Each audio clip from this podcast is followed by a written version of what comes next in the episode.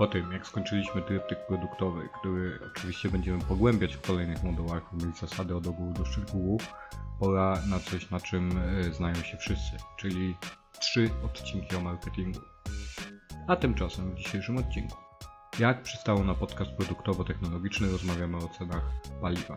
Co łączy się bezpośrednio z Fortem jako krótką dla rowerzystów. Jest też o sztucznej inteligencji, jakby tej żywej były niedostatki, a także o targach MWC, których nie było. Ekipą Daily Web łączymy się z Wami w bólu, serio. A moduł o digital marketingu rozpoczynam narzędziowo od buyer persony, czyli archetypu użytkownika mającego konsumować Twoje usługi lub produkty. Dowiecie się m.in. co z rzeczonym tematem ma wspólnego Tinder, wyznanie i bóle związane z dogmatem chrześcijaństwa. Zapraszamy.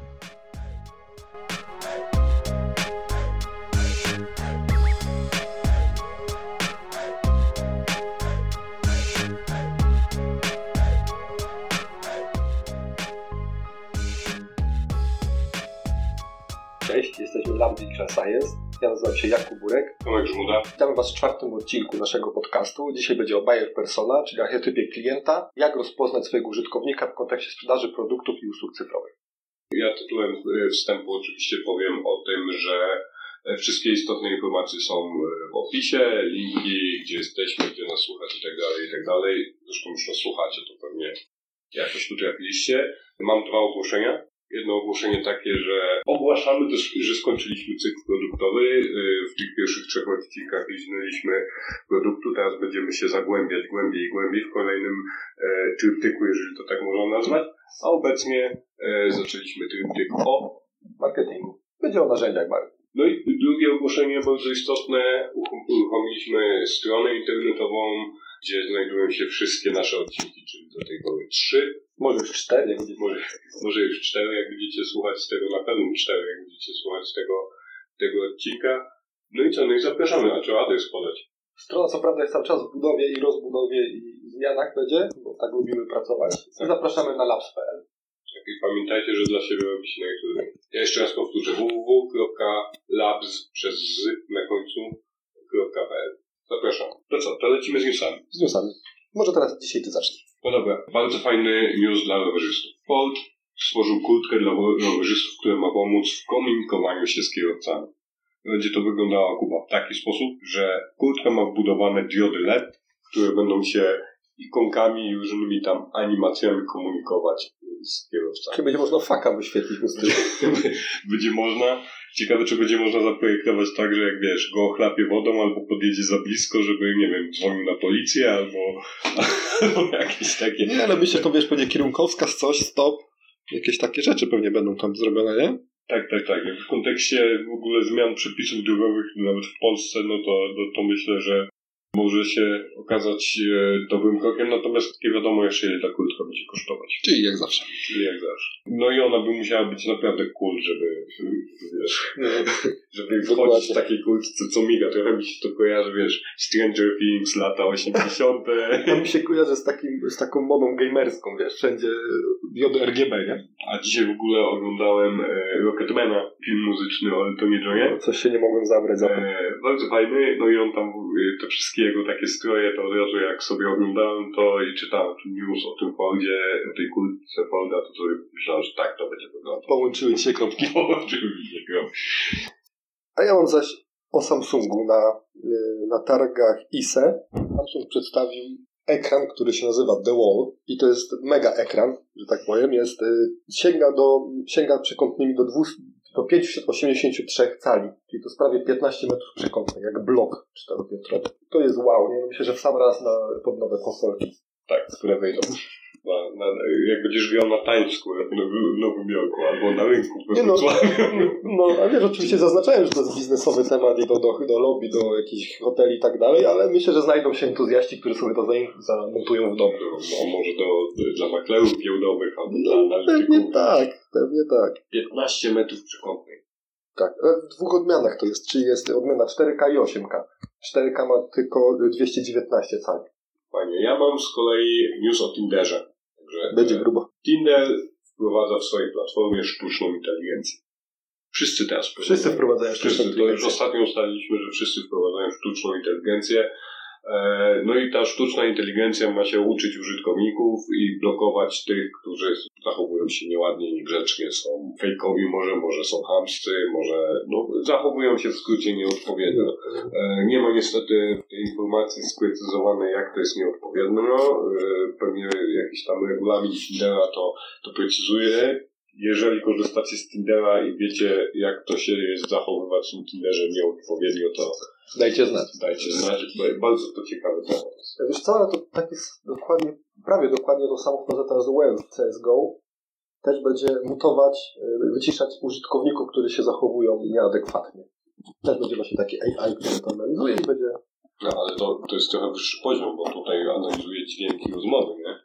No tak, no ale w statycznych zdjęciach też będzie. No, no ciekawe, bo powiem Ci, no wszyscy teraz to idą, będzie takie dość. Z aplikacji to jest trochę łatwiej, bo masz szereg danych i jakby tam możesz stworzyć pewne, pewne wzorce, które mówią ci, że e, Janek się słabo zachowuje, albo Janek Ja myślę, że to, wiesz, to nie jest też dużo trudniej, no bo tam będzie pewnie analizowało słowa, które ktoś wypowiada, albo wiesz, albo skalę dźwięku, albo i tak dalej, nie? Myślę, że to jest... polskie kry będzie. Na bank będzie.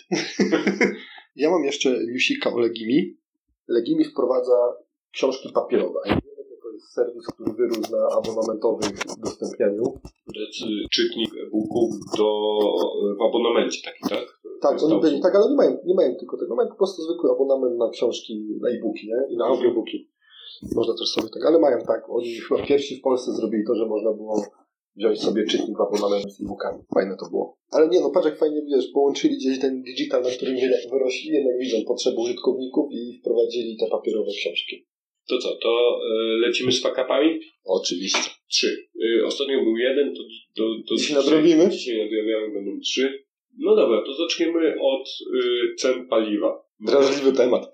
Mało technologicznie, e, ale y, jak ktoś y, śledzi ceny paliwa, no to, to wie, że nie spadają. Znaczy spadło, bo spadło ostatnim czasem chyba o 3 grosze, czy jakoś tak. Natomiast na świecie ceny ropy spadły o 20%. Od początku roku 56 groszy na litr. Na litrze. Czyli ropa mogłaby kosztować zamiast 5,50 kosztować 5 zł. W Polsce niestety ceny nie tanieją. e, Stacje benzynowe czy tam dostawcy odbijają sobie chudsze lata albo chomikują na chudsze lata, nie, nie, nie wiem, Odbijają sobie podwyżki pensji. odbijają sobie premię właśnie. No ciekawe, czy to w innych państwach też tak wygląda, że jak się jak leci ropa w dół, to wszędzie od razu są zmiany. Wydaje mi się, że pewnie nie, bo jak już coś urosło to później ciężko wszystkim się rozstać. Znaczy, e, być może musi być jakiś tam czas buforowy, nie? Że tam te ceny muszą spadać przez jakiś okres. No nie, nie wiem, jak ten rynek do końca działa.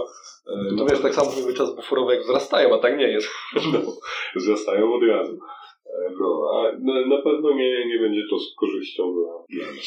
A ja mam taki smutny fuck up, bo jest następna ofiara koronawirusa. Nie będzie MWC 2020. Powiedz, co to jest MWC. To jest y, Mobile World Conference. Największa konkurencja mobilna, technologiczna na świecie. Tak, bardzo smutne. Bardzo smutne to jest. E, Ja mam tutaj anegdotę. E, Nasi znajomi z serwisu dailyweb.pl no wykupili całą ekipą na... Dostali akredytację oczywiście, no, jako dziennikarze. Mieli tam jechać, robić relacje. Uzbroili się pewnie w masę, masę pomysłów, sprzętów, zaplanowali. Wykupili rezerwacje, kupili bilety. Rezerwacje nie były najtańsze. No i niestety zostało im pojechać do Barcelony. Ale będą zdrowi przynajmniej.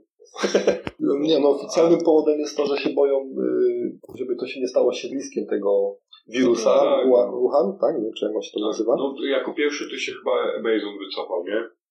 Tak, ale od dłuższego czasu się właśnie wszyscy wycofali, nawet ostatnio Nokia. Także tam były pustki już wcześniej.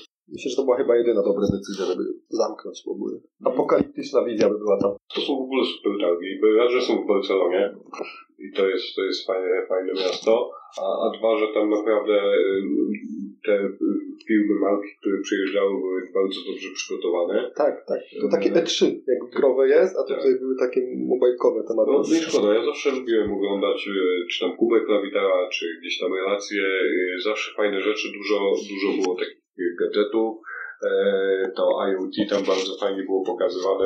Zresztą pierwszy raz na MWC zobaczyłem, pamiętam, że wysyłałem Ci taką poduszkę z ogonem. Poduszka kot, no. Poduszka kot, okrągła poduszka z ogonem, jak się ją głaskało, to ona mruczała. Tak, tam na WC w tym roku był jakiś wibrator, czy jakiś masażer, nie? Tak. No, No Fajnie, bo tam takie, news, takie nowości i nie, niestandardowy sprzęt pokazują. nie chciałbym powiedzieć trendy, ale to No tak, no trendy. trochę trendy w technologii, nie? No, Tam dużo stand-up. No szkoda, szkoda. Smutna wiadomość, tutaj będzie, tutaj będzie minuta ciszy. E, Łokik przyznał 1,4 e, miliona kary firmie Brothers. To jest firma, która produkuje e, drukarki za narzucenie sklepom internetowym minimalnej ceny drukarek. I to jest taka historia, która pokazuje, że nie tylko telekomy robią co chcą, są też, są też inne firmy. I to tyle, to krótka historia. Jak, jak, jak w ogóle ta, ta branża drukarkowa wygląda? Powiem Ci, jestem jeszcze na wczesnym etapie rozglądania się tym, ale nawet nie wiedziałem. Muszę się nawet, powiem Ci szczerze, się jutro spytam, tego, jak to wyglądało. Ale że dużo producentów jest tak, że mają gdzieś z góry ustawione jakieś minimalne ceny swojego sprzętu. To nie jest tak, że to chyba jedna. No być może. Tu- Tutaj jest, było jeszcze napisane, że ale dobrowolnie było. Coś na grubo było. Coś na grubo było i dostali tylko tam 40 tam Ciekawe, czy to w tej, w tej branży tam 1,4 miliona na rynek polski są takie pieniądze, że to jest tak jak wiesz, jak 12 milionów czy 200 milionów dla, dla Orange'a, które po prostu skapli. Nie wiem. Nie wiem, jakie są marże na takim na sprzęcie. Na pewno są duże. A Brother jest dość znany. Tak w ogóle jak myślałem o, o tych wszystkich karach, tak się zastanawiam, czy taka firma typu Orange, typu Compel, Odczuwają w ogóle to, nie? y, raczej inaczej, czy kalkulują to w taki sposób, że za to będzie kara, ale my zarobimy na tym trzy razy więcej. Aha. No ciekawe. No ciekawe to jest. To co? To mięso. To Lecimy- mięso. Kotlet. Kotlet. Lecimy z mielonym, czyli temat dzisiejszego odcinka. Ja przeczytam jeszcze raz dla utrwalenia. Buyer persona archetyp klienta, czyli jak poznać swojego użytkownika w kontekście sprzedaży produktów i usług cyfrowych. Dokładnie. Bardzo ważna, bardzo istotna rzecz, bo jak nie będziemy sprzedawać, nie będziemy zarabiać. Z reguły. Jest inna droga. Nie ma. Więc tak. Może przeleć, przelećmy sobie te główne punkty, co my tu przygotowaliśmy dzisiaj. Będziemy rozmawiać dzisiaj o co to jest buyer persona, Takie wprowadzenie. tak, y, dlaczego jest ważna w kontekście biznesu, Wprowadzenie część druga. etapy budowania tej persony, czyli co, co trzeba zrobić, Tak, to już narzędzia są. Narzędziowe. Rzeczy. narzędziowo. Tak. To jest, to jest to mielone. Trzeba określić, jak podzielić klientów na segmenty, później stworzyć jeden spójny dokument z danymi. Szóste to jest przestroga. Nie, Tak. po, nie porzucaj. Nie wolno porzucać. Nie wolno porzucać, bo Tinder. E, I siódme, negatywna persona. Dlaczego warto? No, a to, co ja jestem ciekawy, to, to, to, To musisz poczekać. to tutaj będę drożył. Czyli dzisiaj ja mówię. Dzisiaj ty mówisz, ty, to, to, to jest twoja chwila e, sławy. Zostanę milionerem. Okej, więc tak.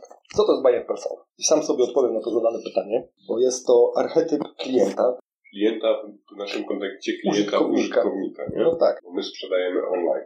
Jest to takie fikcyjne, uogólnione przedstawienie tego klienta naszego, tak? Czyli zbiór tych danych wszystkich, posegmentowany i pokazany w jakimś tam kontekście. Czy to, czy to jest coś takiego jak e, UX-owa persona? Na pewno, bardzo dobrze. No UX-owe persona będzie na pewno na tym wcześniejszym etapie, bo my tutaj będziemy teraz mówić o tym etapie e, tego pozyskania, utrzymania, zaangażowania klienta, nie? No ale to chyba jakby relacja pomiędzy tymi dwoma narzędziami, czy tymi dwoma dokumentami musi, musi następować, nie? No, no tak, no to jest pewnie, nie wiem, to jest rozbudowywane od początku. Jeden szablon, tak, jedna myśl. No bo na, my na początku tworząc personę tą UX-ową, no to tworzymy ją troszkę bardziej z wyobrażenia, no bo nie możemy się podeprzeć, znaczy zależy na jakim etapie jesteśmy, no bo jak robimy jakiś tam rebranding, czy już jakiś tam re- refreshing y, jakiejś rzeczy, no to jest inaczej, bo już mamy klientów, możemy się podeprzeć opiniami i, i nie wiem, tym co mówią i co sugerują nam klienci, tak? A jak, mam, jak tworzymy dopiero usługę, której jeszcze nie ma na rynku, nie znamy tego, no się, to, to się podpieramy takimi. No my to o tym mówiliśmy, że to my robimy protopersonę, tak? Podpieramy się tylko danymi takimi niepewnymi do końca.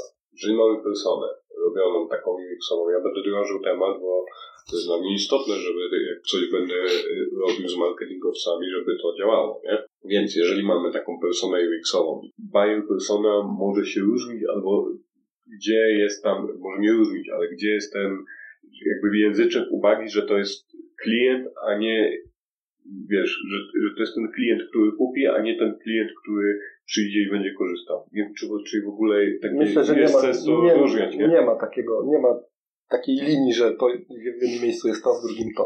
Po prostu pewnie w kontekście pracy zwracamy uwagę na inny aspekt w tym momencie. Okej, no to dobra, to, bo, bo od razu mam też pytanie w głowie o to, jak się tą buyer persona utrzymuje, rozwija i, i ten, ale tu dojdziemy, bo to analityka jest. Okej, no to powiedz mi proszę, drogi y, mój marketerze, dlaczego ta buyer persona jest taka ważna? Pomagają nam zrozumieć lepiej użytkowników, z którymi się komunikujemy, tak? Pozwalają e, go dogłębnie zrozumieć, lepiej tworzyć treści dla niego, lepiej dostosować usługę, tak? To jest przydatne dla nas wszystkich, czyli wiesz, marketerzy, twórcy e, programów, sprzedaż, usługi i tak dalej, nie? Pozwala ci bardziej zagłębić tego idealnego twojego użytkownika, do którego dążysz. To jest, e, czyli jak rozumiem, ta buyer persona to jest nie tylko narzędzie marketingowe, ale też dla sprzedaży. Oczywiście, I ona będzie służyć pewnie przy szkoleniu sprzedawców i tam mówić, No tak, no, łatwiej zaadaptować po prostu mając coś przed oczami, nie? Bo Mhm. masz też ustandaryzowane dane i, i tak dalej, no. Tak to wydaje ci się, że wiesz coś, tak? A jak już masz to wszystko spisane na kartce i to widzisz, to jednak to troszkę inaczej działa. Możesz nawet niekiedy nawet nie wiedzieć, że masz kilku jakby docelowych grup klientów Mhm. A, nie? a z Twojego doświadczenia, jak handlowcy korzystają z takich person? W Polsce jest jeszcze cienko z, takim, z takimi rzeczami. U nas to jest cały czas wszystko nowe i trzeba bardzo mocno przekonywać ludzi, żeby chcieli uczestniczyć w stworzeniu tego czegoś. I to jest na razie jeszcze niepotrzebne, przynajmniej w tym MŚP, którym naj- najwięcej się porusza, nie? No to dobra, to yy, czyli wiemy, czym jest ta buyer persona, że to jest taka persona, która wynika bezpośrednio z tych ustaleń biznesowych, z naszego yy, cyklu produktowego, czy tam tryptyku produktowego, już mamy jakieś dokumenty i ona pewnie musi bardzo dobrze współpracować i rozmawiać z tym, co było wytworzone, dostarczone przez biznes, UX i tak dalej. Jaka tam jest strategia oczywiście.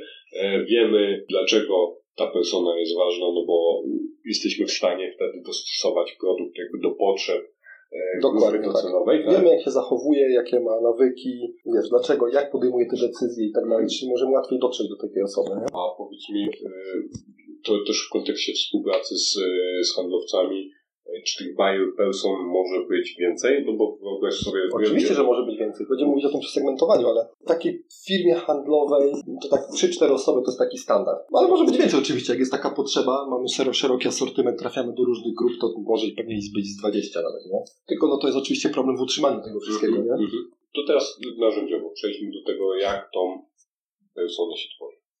No ja sobie podzieliłem to na, na kilka punkcików, jak to zrobić. No i ja zaczynam tak, że zbieram wszystkie dostępne dane, czyli które są aktualnie już na firmie, czyli wszystkie CRM-y, strona internetowa, jak Analyticsa podpięta, wszystkie social media, które są, y, systemy do newsletterów i tak dalej, wyskuję te dane, żeby można było coś stworzyć i do czegoś się już odnosić, tak? Bo łatwiej się później pracuje z ludźmi, jak już coś mamy. I oni mogą rozwijać już po prostu konkretny temat. Fajne podejście, bo nawet jeżeli... e, Ja bym chciał mieć takiego marketingowca, który przychodzi, jest w firmie i nawet jak firma nie ma, e, wiesz, produktowo nie jest ogarnięta i pracuje sobie tak z, dnia na dzień, e, albo nie ma e, UX-owca i te doświadczenie użytkownika jest tam rzeczą drugorzędną, ale jest człowiek od marketingu, który niejako pewnie w takiej firmie spełnia te wszystkie rzeczy, te wszystkie funkcje. Ja bym chciał przyjść do takiej organizacji, niezależnie od tego, jak ona jest duża, i się dowiedzieć, że mają buyer personę, bo to wynika z tego, co mówisz, wynika, że w tej buyer personie w takim wypadku są e, podpięte wszelkie narzędzia analityczne i my już wiemy coś o naszych użytkownikach docelowych, którzy kupują ten produkt. Nie? Dokładnie. Wiesz, to jest właśnie które pro, prostsze to jest w istniejącej firmie, nie? Że już Mhm. masz z czego wyciągnąć te podstawowe dane.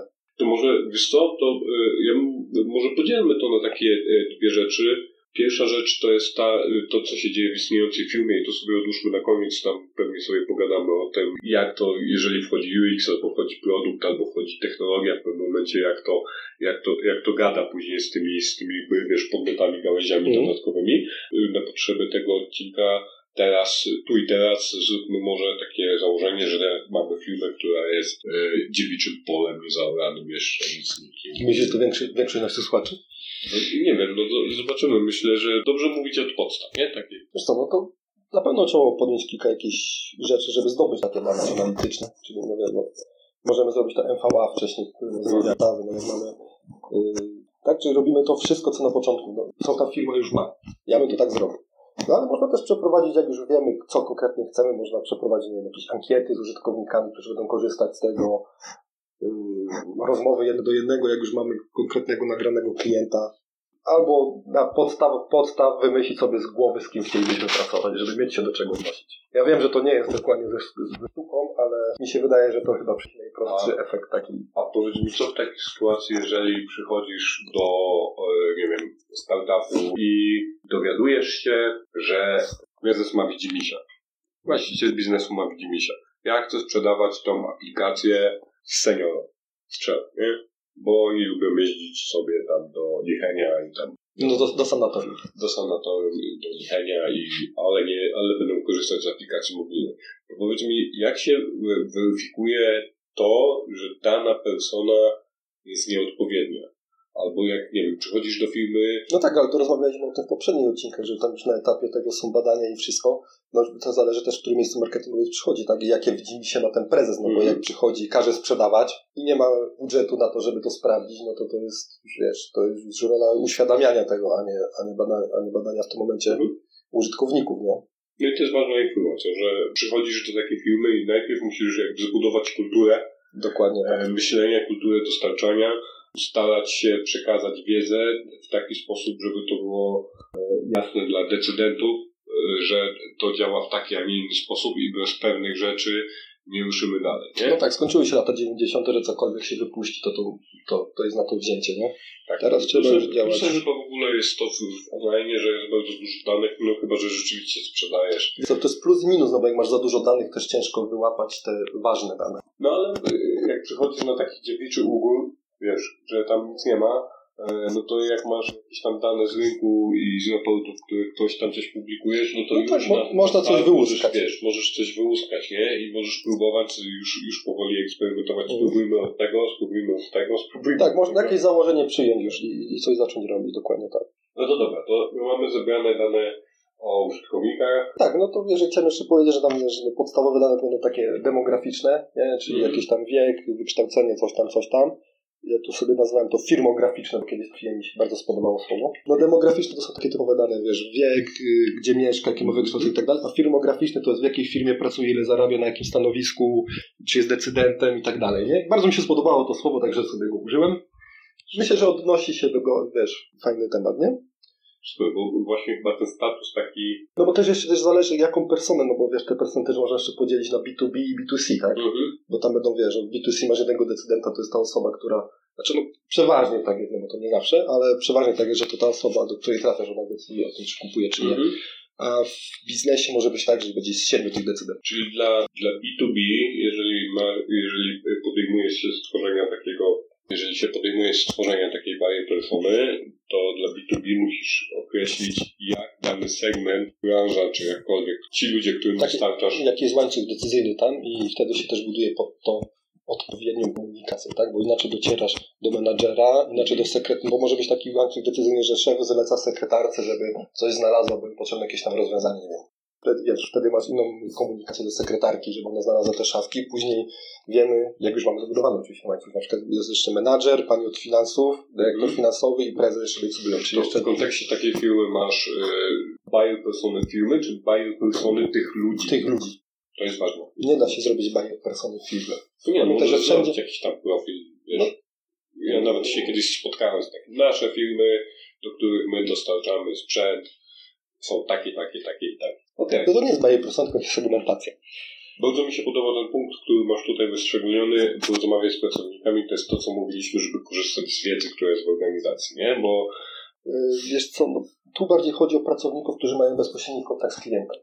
Żeby oni ci mogli opowiedzieć o tym kliencie, nie? Trzeba mu oczywiście odpowiednie pytania zadawać, nie będziemy teraz tu przetaczać, bo to każdy chyba w swojej branży musi, musi troszkę sam robić to. Ale taki pracownik może ci powiedzieć, wiesz, co boli klienta, jakie ma obawy, a gdzie są luki jak ofercie, jak, go może, jak można mu pomóc i tak dalej, nie? To są takie insighty, które mogą ci dobrą drogę wskazać. Tak, ja mam taką w ogóle teorię, że jeżeli idziesz do organizacji produktu, usługi, e, gdzie jest sprzedaż, taka sprzedaż bezpośrednia, w cudzysłowie oczywiście mówimy online, ale ktoś Mhm. musi jakby się opiekować tymi klientami, gdzie jest taka, no to najlepszym źródłem wiedzy i najlepszym fachowcem, jaki jest, jest ten pani Kasia, czy tam pan Krzysiek, które, którzy sprzedają i rozmawiają z tymi ludźmi, nie?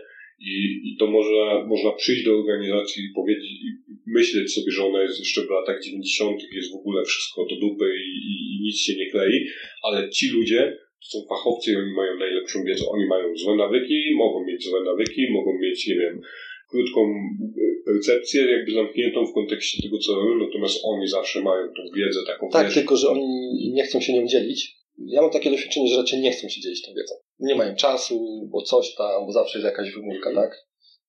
No to jakby chyba rolą projektanta, marketera jest to, żeby tą wiedzę wydobywać, nie? To trochę jak, jak w kopalni, widzisz, bierzesz kilo, Tak, tylko że pamiętaj, że zawsze, pamiętaj, że zawsze są terminy przeważnie ustalone, jakieś cele, które trzeba realizować i nagle napo- napo- napotykasz na taki mur, z którym trzeba pracować i, i rok. Mm, no, mi się wydaje, że trzeba rozbierać cegła po cegłę, próbować, nie? Znaczy, czy się uda, No właśnie. to, to jest ten, ale trzeba próbować, trzeba rozbierać, bo, no bo skąd zdobędziesz tą wiedzę? Znaczy, możesz brać ją, że tak powiem, z... No to są jeszcze inne techniki. no, do, no to dawaj, o tych i tych. Yy, No możesz sobie robić ankiety. Bo Myślę, że to mniej więcej odpowiedź na te same pytania, co rozmowa z handlowcem, taka prawdziwa rozmowa z handlowcem, który chce się z Tobą podzielić informacją o kliencie. Tak? Ankiety mogą trwać dłużej, ale można je przeprowadzić tak mało inwazyjnie. Yy, Można też bardziej inwazyjnie przeprowadzić, na przykład wtedy zrobić jakąś zachętę do użytkownika typu kupon, zniżka, rabat, co tam. Tak? Ktoś się tam skusi zawsze uzupełni. Może być trochę mało miarodajne niekiedy, no bo ktoś może wyklikać ten, ale jakiś, jakbyś miał dość dużą grupę, to, to, to będzie ok, nie? No i oczywiście może sobie jeszcze rozmawiać bezpośrednio z klientami jeden do jednego. To jest wiesz, taki najlepszy obraz tego wszystkiego, bo poznajesz całe tło tego, cały branżę, w którą funkcjonuje, tak? No pamiętajmy, że wiesz, branża raz jest, u jednego jest taka, u drugiego jest taka, tak? W segmencie, wiesz, że ten się porusza w niskiej cenie, ten się porusza w wysokiej. To tło tego, jak to działa, wszystko jest bardzo, bardzo ważne i myślę, że nic tego nie odda tak, jak rozmowa jeden na jeden To jest, taka, to jest taki y, wywiad pogłębiony w nomenklatury Mhm. rynkowej, badawczy typowo, tylko y, z rozmową z klientem jest istotne to, żeby zadawać dobre pytania. Oczywiście, że tak. Więc to było chyba na tyle z takiego pozyskiwania tej wiedzy o kliencie. Łatwo się o tym rozmawia, trudno się to realizuje. No Taka to jest taka, prawda. taka mówcza robota, nie? Kamyczek do kamyczka Tak. i No nie da się tego zrobić w jeden dzień. Okej, następnym krokiem jest segmentacja. To jest w ogóle słowo, które ja zawsze kursantom y, mówię i odmieniam przez wszystkie przykłady. Segmentacja. Se, sylabizuję nawet jak piszę na, wiesz, flipcharcie. Segmentacja. Dlaczego? No bo segmentacja jest mega istotna, bo jeżeli nie przeprowadzisz dobrze segmentacji swoich usług, jakichkolwiek, procesów i tak dalej, co użytkownik, jeżeli masz w ofercie, nie wiem, w sklepie, nie posegmentujesz jej dobrze, to nie zbudujesz y, odpowiedniego procesu dla danego jakby, Właśnie pytam się, dlaczego, pytam się dlaczego, bo jestem tego samego zdania, że segmentacja jest mega ważna w każdym aspekcie tak naprawdę działalności, a bardzo mało firm to robi. Właśnie, niestety. To opowiesz o tej segmentacji, jak, jak, jak się, bo ja mówię w kontekście segmentacji oferty usług y, i tak dalej, nie? Ale to jest Tutaj- dokładnie to samo, no trzeba posegmentować klientów, w sensie akurat te dane, które mamy, Mhm. musimy sobie posegmentować na jakieś tam grupy, tak? Czyli widzimy, że jest y, nie wiem, starsza grupa demograficznie, nieobyta z technologiami, to sobie wrzucamy ich do jednego, sobie wrzucamy do jednego worka. Tak? Są młodzi, milenialsi, byci z technologią, wrzucamy sobie do, drugiego- do drugiego worka, bo będziemy się inaczej z nimi ko- komunikować, tak? To jest ten sam przykład, że pani sekretarka inaczej będzie szukać mebli, czy tam czegokolwiek do biura, a- prezes też będzie inaczej szukał tego Mhm. tak? sobie segmentujemy te, bo jakieś tam wy- wytyczne, No, które nam w firmie akurat są potrzebne, tak? No bo Sekretarka będzie po stronach y, y, surfować, a na prezes dla przykładu, nie wiem, y, bo mu kolega poleci, nie? chociażby tak. Nie? No to, to o takie różnice chodzi, nie? Jak ludzie, jak ludzie poszukują, postrzegają. E, Sekretarka będzie szukać atrakcyjnych ofert cenowo, a prezes, jeżeli dostanie polecenie, no to może to nie mieć dla niego znaczenia. Tak? I to- sekretarka to- też może szukać, nie wiem, na jakichś stronach takich, wiesz, nie wiem, Whippings czy coś, że tam No. są jakieś przykłady podane, coś tam, coś tam i będzie szukać, wiesz, taką, bo ona zna to. Mhm. Się porusza w tym modowym, trendowym takim klimacie gdzieś, bo się interesuje i może tak szukać tam, tak? Czyli możemy, możemy założyć, że jak widzimy, że tak, tak ci już tym się poruszają, to możemy sobie tam reklamę wpuszczać, tak? Mhm. I już to jest taka odpowiedź na to, nie? Na, na potrzeby. Okej, ale wiesz co, to jest e, ta segmentacja w kontekście persona, to jest bardzo ciekawy temat. To jest troszkę inna segmentacja niż segmentacja usługowa w kontekście użyteczności, nie? No tak, ale, no, ale wiesz, usługi można też w kontekście, y, segmentować w kontekście ceny, czy, czy tam Nie, no to, to wiadomo, tak nie? dalej, Tylko nie? to- tak, to jest e, dosyć zau- zauważona różnica.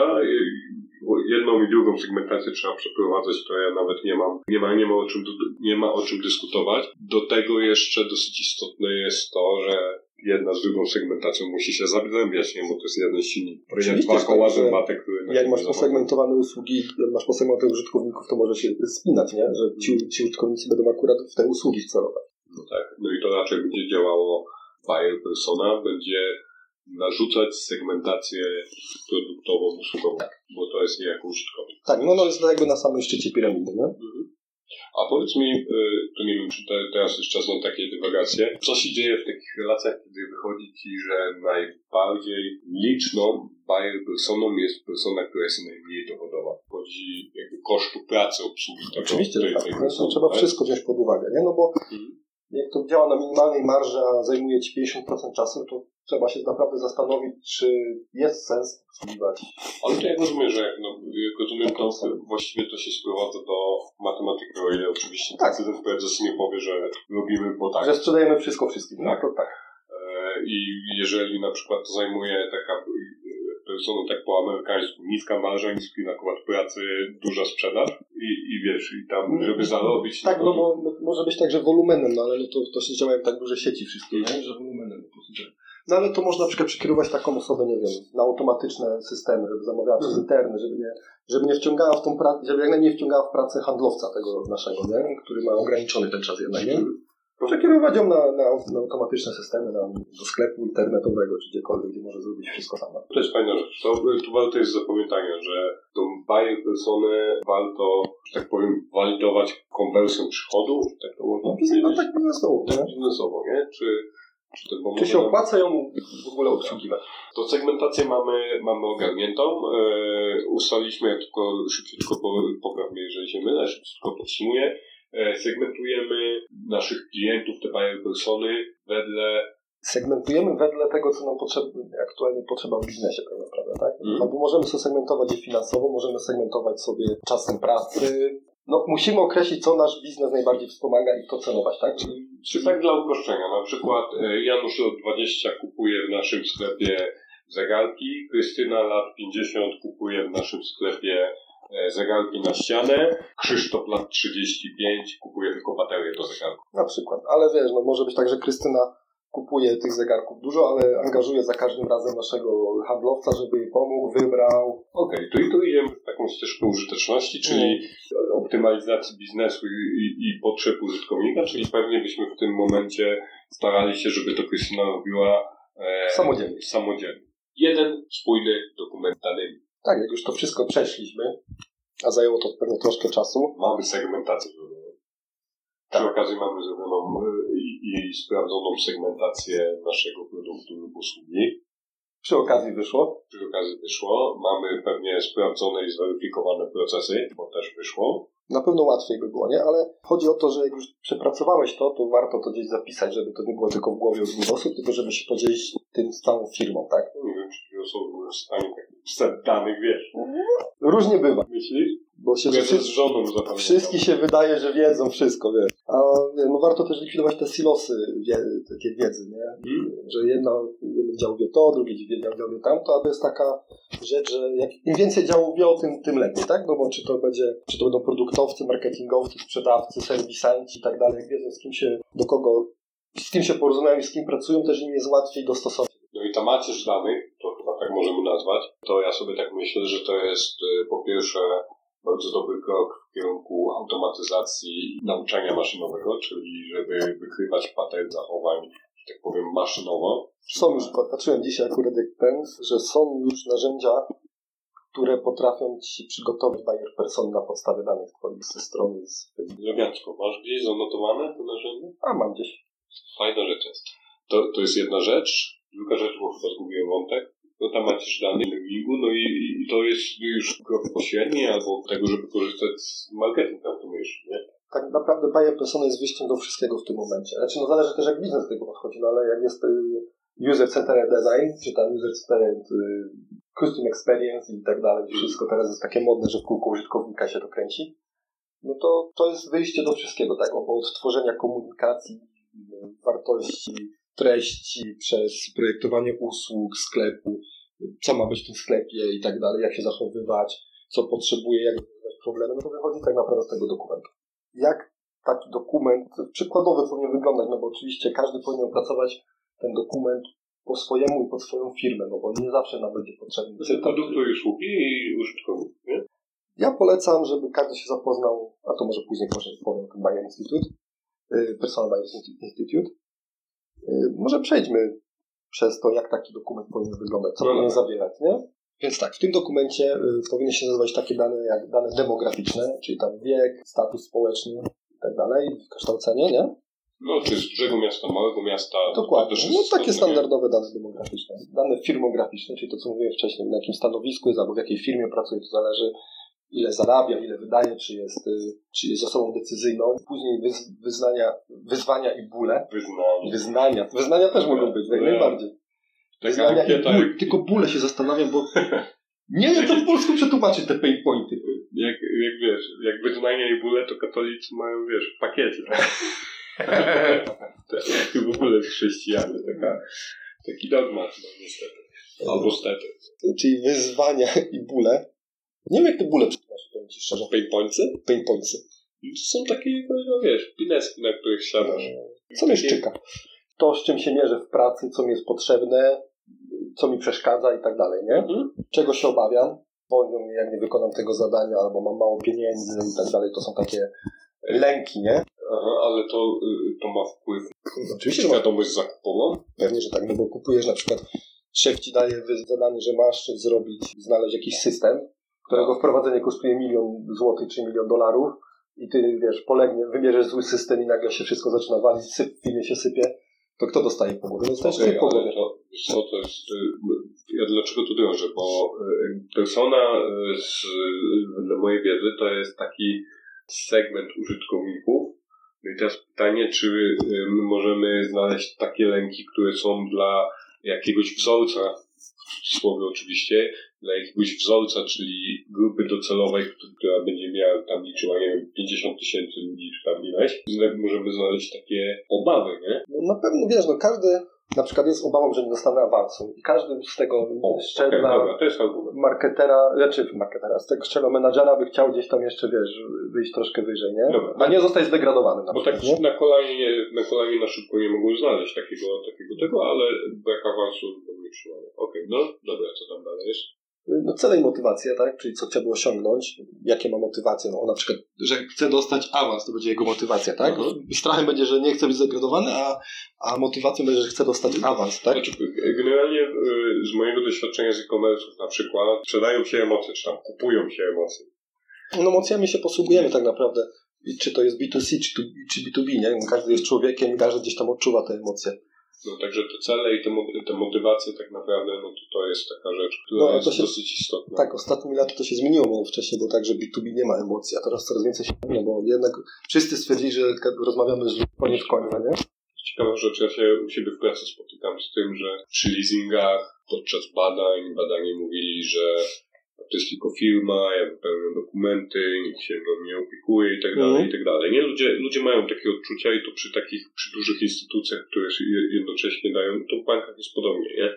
Które jednocześnie mają troszkę władzę na to w cudzysłowie, nie? Bo to zależy ci na tym kredycie, czy na tym Tak. samochodzie, czy na tym sprzęcie, jakkolwiek to nazwiesz, no to i, i, i ludzie czują się tacy zahukani. Co szczęście rzeczywiście to się powoli zmienia i banki e, te polskie troszkę na szczęście dla naszej gospodarki stabilności y, są mniej elastyczne, ale na zachodzie to już jest tak raczej, że e, na przykład Revoluta, nie? Jaką wy jakby. Tak, ale Nest Bank jak się zmienił ostatnio, też komunikacją, ING jak się zmieniło komunikacją, nie? No ale jakby tutaj chodzi o te twarde warunki, nie? Tutaj Mhm. komunikacja komunikacją, ale jest nie, bo nie. No.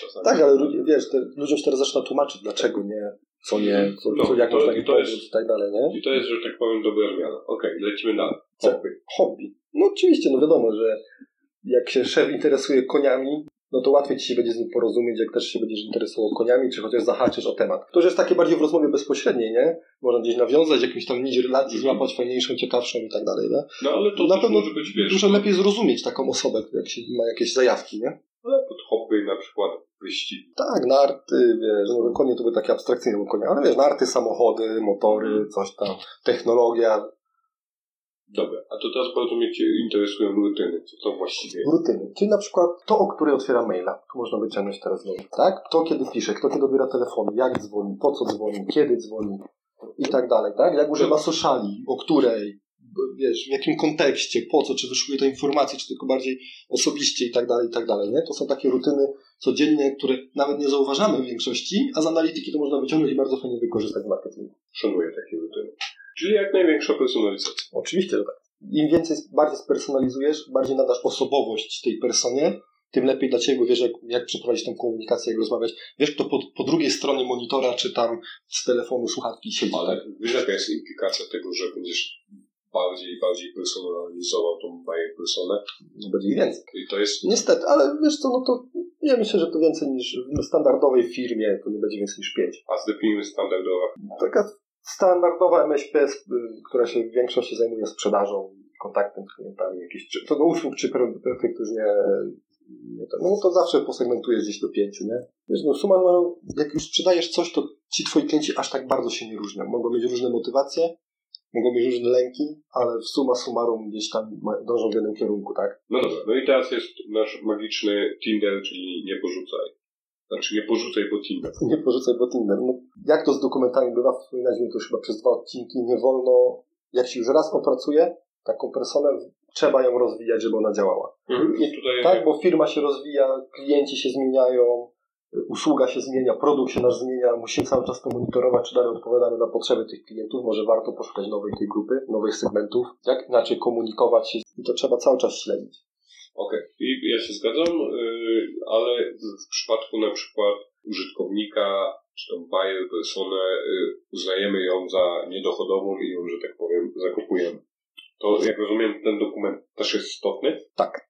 Bo to jest obraz naszej, nie wiem, To jest obraz, być może porażki, błędów. nawet nie, to jest obraz tego, że się uczymy i wiemy do kogo, kto nie jest naszym klientem. Mhm. I to jest też bardzo To jest istotne, bardzo istotne, ja to bardzo zawsze powtarzam. Też mało firm to robi, bo jak już wiedzą, kto jest ich klientem, to też nie wie, to zaś nie wiedzą, kto nie jest ich klientem, a to jest bardzo ważne. Bo ktoś może działać w ich segmencie, ich grupie, potrzebować ich, ich, usług, a może nie być klientem. I nie warto tracić czasu i pieniędzy. Musisz Pyrkejś to wytłumaczyć. Ja sobie wyobrażam takie scenariusze, ale chyba dobrze by było, żeby słu- słuchacze o tym słyszeli. Firma konsultingowa, która świadczy usługi w segmencie MŚP w obszarze digitalu, tak? Czyli pomaga tam wdrażać systemy, projektuje tam jakieś rzeczy dla nich. Wyobraź sobie, teraz są w naszym obszarze zainteresowań, w tej firmie konsultingowej są wszystkie firmy MŚP, które świadczą usługi online. Tak, są oparte o technologię, tak? Tak. W jakimś tam stopniu. Dokładnie. I mają tam, ich klientem jest użytkownik online. Tak. E, No i teraz y, my kierując komunikację, czy pozyskując takich klientów, musimy zwracać uwagę na szereg różnych rzeczy, na przykład czy mają dług technologiczny, czy ludzie chcą tam to robić, czy mają systemy odpowiednie, które można dostosować. To jest ta y, krzywa na przykład innowatora, nie? Żeby przeprowadzić transformację w cyfrową w organizacji, musi być odpowiedni człowiek w odpowiednim miejscu, na odpowiednim stanowisku, w sensie Tak. w odpowiednim czasie, który ma y, zdolność decyzyjną i chce podjąć Kroki. Nie? Tak. No i teraz tak. To jest teoretycznie nasz klient, no bo jest w obszarze naszego zainteresowania, a w praktyce wychodzi tak, że on zajmie, dość, że będzie drogi w pozyskaniu dla nas, w sensie, trzeba będzie mu wyprodukować dużo, dużo materiału, żeby go tak, bo pozyskać to na trzeba każdym kroku. edukować, no.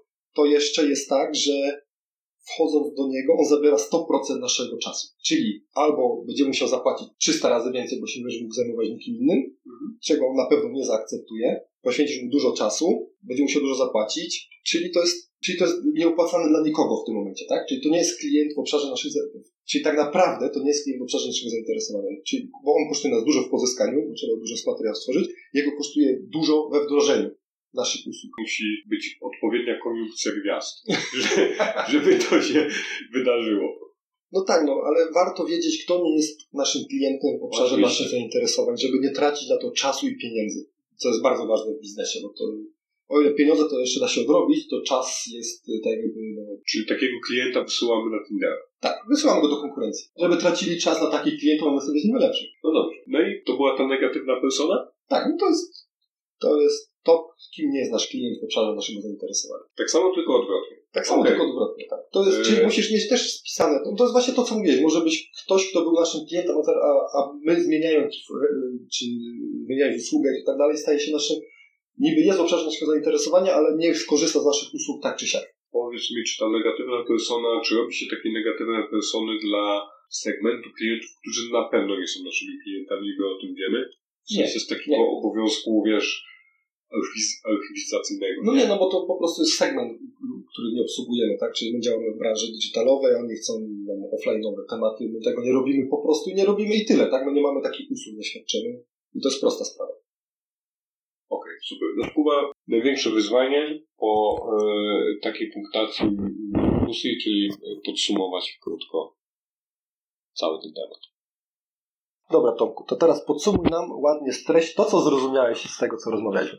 Dobra, to jak już wszedłem na tą minę, to lecę. Czyli Buyer Persona to jest takie narzędzie, które pozwala nam określić z grubsza segment naszych docelowych klientów, użytkowników, którzy potrzebują na- naszej usługi lub produktu. Tak? To jest coś, co pewnie będzie wynikać z naszych poprzednich prac y, z biznesem i technologią nad tym, jak powinien nasz produkt wyglądać. Z tym, że tych segmentów może być kilka. Tak. Dlaczego jest ważne? No dlatego, żeby trafić w odpowiednie, że tak powiem, e, zapotrzebowanie e, naszych potencjalnych klientów do tego, żeby mogli i byli zadowoleni z korzystania z naszych usług lub z naszych produktów. Tak, i żeby też nie tracić czasu, nie przepalać niepotrzebnych pieniędzy do ludzi, czy nie kierować komunikacji do ludzi, do których nie chcemy tego.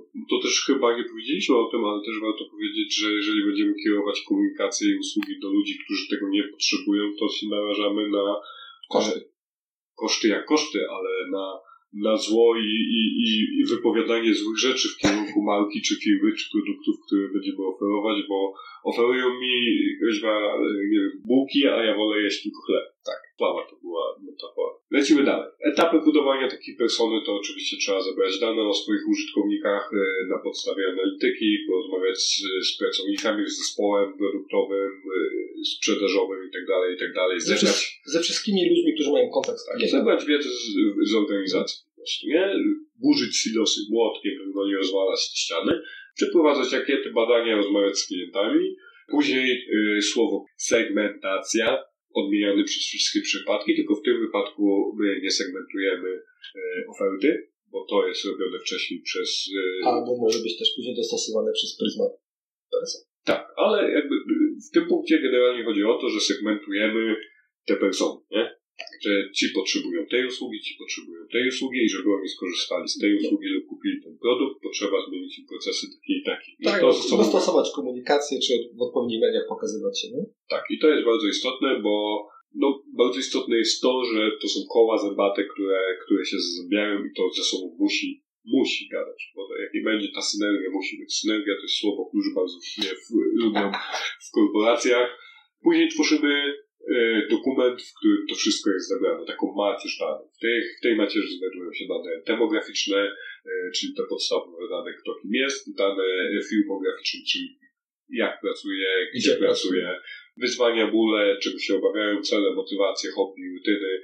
E, Rutyny to jeszcze raz To są te takie bardziej dzienne rutyny, tak? Czyli jak, to, co, jak się zajmujemy, co robimy, kiedy robimy, jak robimy i po co. tak, czyli na przykładzie, że maila otwieram między 8 a 10. Dokładnie tak, że przy kawce otwieramy maile, czytamy, przy śniadaniu otwieramy Facebooka. To jest bardzo ważne w kontekście później tego pozyskania klientów, czyli komunikacji z nimi, y, gdzie się pokazywać, jak się pokazywać, o której się pokazywać, bo teraz już można to wszystko zrobić. I teraz coś, co z mojego punktu widzenia produktowo-UX-owego jest e, bardzo kontrowersyjne, czyli dążymy do jak największej personalizacji, bo tych person może być kilka, nawet kilkanaście. Okej, jeżeli tak jest, to Im bardziej spersonalizowana komunikacja, tym lepiej. no tak, okej, dobra, no to e, nie wiem jak, jak to zniosą interfejsy na samym końcu, ale, To jest twój problem. ale powiedzmy, że e, powiedzmy, że możemy próbować w ten sposób. Nie porzucamy tej persony, nie odsyłamy na Tindera, opiekujemy się tymi personami, nawet jeżeli się okaże, że ta persona jest e, Antypersonów. antypersoną albo nie jest naszym klientem, warto ją mieć w swoim archiwum, bo może się okazać, że dzisiaj nie jest, 3 miesiące będzie, czy tam za 3 lata. Tak, albo że nie warto tracić na niej czasu po prostu. Będzie takim odpowiednikiem. Teraz. Tak, w tym momencie. Nie dobra, i to, by, i to by było tyle. Myślę, że mamy fajnie omówione te bajego, są fajna rozmowa wyniknęła. To co, to... Yy, Okej, to słuchajcie, yy, przechodzimy do ostatniego do dwóch ostatnich punktów na naszego odcinka. Książka i narzędzie. Kuba ma oczywiście książkę. Tym razem akurat nie książka, tylko bardziej bym polecił, chociaż książka też będzie. Y, Bardziej bym polecił zapoznanie się ze stroną y, buyerpersona.com. To jest Buyer Persona Institute. Oni stworzyli to pojęcie tej buyer persony naszej, o której dzisiaj rozmawialiśmy. No i na tej stronie znajdziecie praktycznie wszystko, co powinniście wiedzieć o tym. Warto się zagłębić. Można tam kupić książkę po angielsku W angielsku, na Amazonie. na Amazonie, która y, traktuje poważnie ten temat i od początku do końca wyczerpuje, jak to się powinno robić, po co to jest. Kuba warto może by sprawdzić tak y, po odcinku, czy jest jakiś polski odpowiednik tej książki i może podrzucimy też linka, nie? Okej, ale z tego co się orientuję, to raczej nie ma. Są też tam porady od nich bezpośrednio, czyli od twórców e, tego. Są tam e, szablony, które można uzupełnić sobie, jak ktoś nie ma pomysłu, jakie pytania zadawać, co uzupełniać i tak dalej. Warto tam zaglądnąć, ściągnąć sobie szablon i uzupełnić po prostu na podstawie tego, co oni tam już wymyślili. Są też przykłady, w których można sobie podpatrzeć, jak oni to zrobili fachowo, tak? To są takie grube przykłady, mają po 10 stron. Myślę, że mało komu się uda taką personę opracować. Macie nam też oczywiście przewodnik, jak zrobić taką personę według nich i to było na tyle. No, bardzo polecam, dużo wartościowej, bardzo wartościowej wiedzy, która się na pewno wszystkim przyda. Y, Trzeba powiedzieć, że wszystko jest tam po angielsku, także z językiem y, anglosasów trzeba być za pan brat.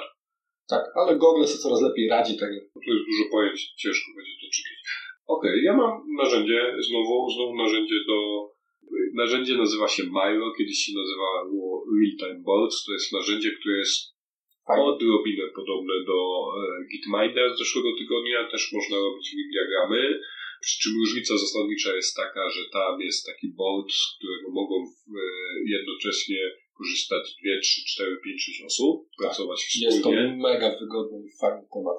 Tak, e, nawet mam grupę na UX Academy, która tworzy e, po warsztatach Design Thinking, tworzy e, storyboardy do, do tych warsztatów i oni właśnie to robią w maju, wspólnie tam pracują, umawiają się, dzwaniają się, e, także super to działa, da się, da się przepracować razem takie rzeczy, jeżeli jest się na łączach.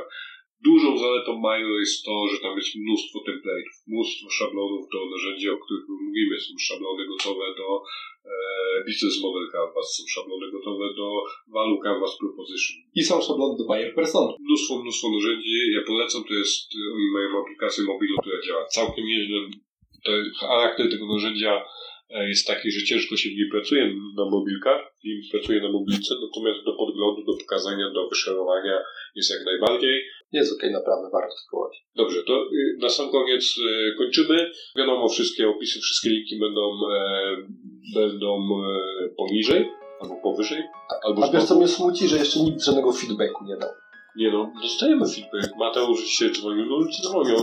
Ale no mnie napisał. Ty byś chciał się tam pokłócić chyba, Tak. co? No dobra, jak chce się ktoś pokłócić z Kubą, to śmiało. Wszystko, pożegnać się. Nie, jeszcze trzeba, skoro mamy stronę, to trzeba na sam koniec jeszcze zaprosić na nową stronę.